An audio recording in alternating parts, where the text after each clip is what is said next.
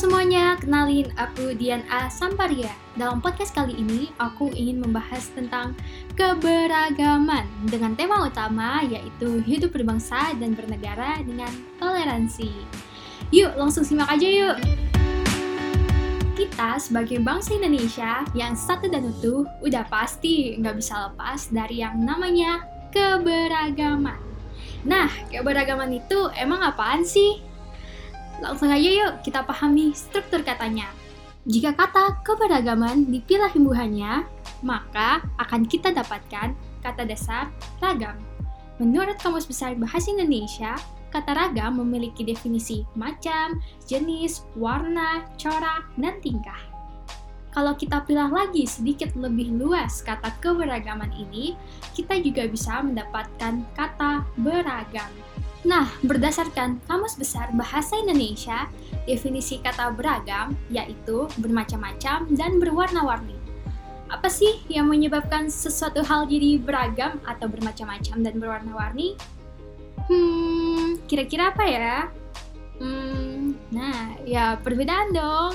Karena adanya perbedaan, maka sesuatu hal dapat menjadi bermacam-macam, bercorak, dan berwarna-warni.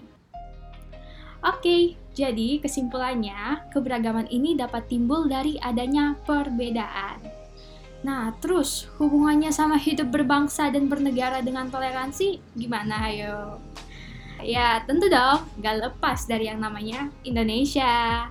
Kok Indonesia sih sekarang jadinya yang dibahas? Bingung kan? Nah, jadi gini nih, kita yang merupakan rakyat Indonesia ini terdiri dari berbagai perbedaan. Perbedaan inilah yang membuat keberagaman muncul di antara kita.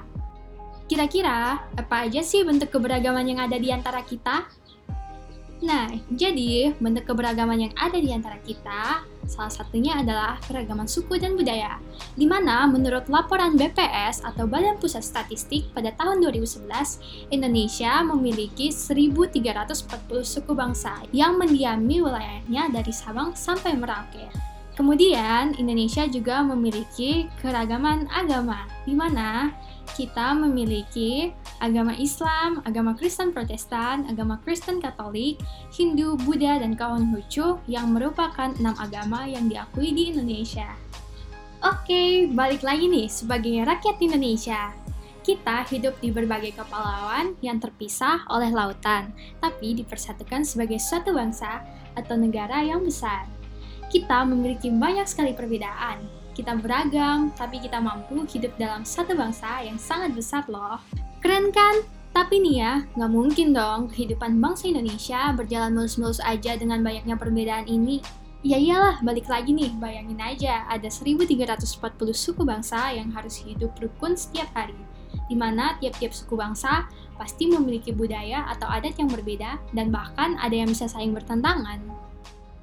Nah, untuk menghindari pertentangan ini, makanya diperlukan yang namanya toleransi. Apa tuh toleransi dan wujudnya nih ya?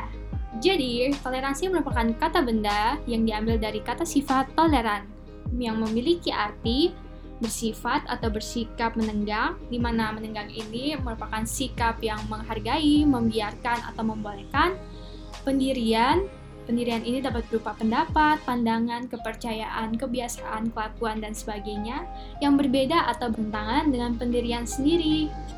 Toleransi sangat diperlukan untuk menjaga hubungan kita sesama bangsa Indonesia. Dengan sikap toleransi, kita dapat membangun hubungan yang satu dan utuh. Indonesia kita ini merupakan tempat yang rawan sekali untuk dihancurkan loh teman-teman. Kalau membahas tentang keberagaman nih ya, mudah sekali untuk menghancurkannya. Cukup dengan senggolan isu sara, maka semuanya akan berjalan dengan cepat menjadi masalah yang besar. Jadi, alasan kenapa sih kita harus bersikap toleran, yaitu dengan bersikap toleran akan tercipta keharmonisan dalam hidup kita.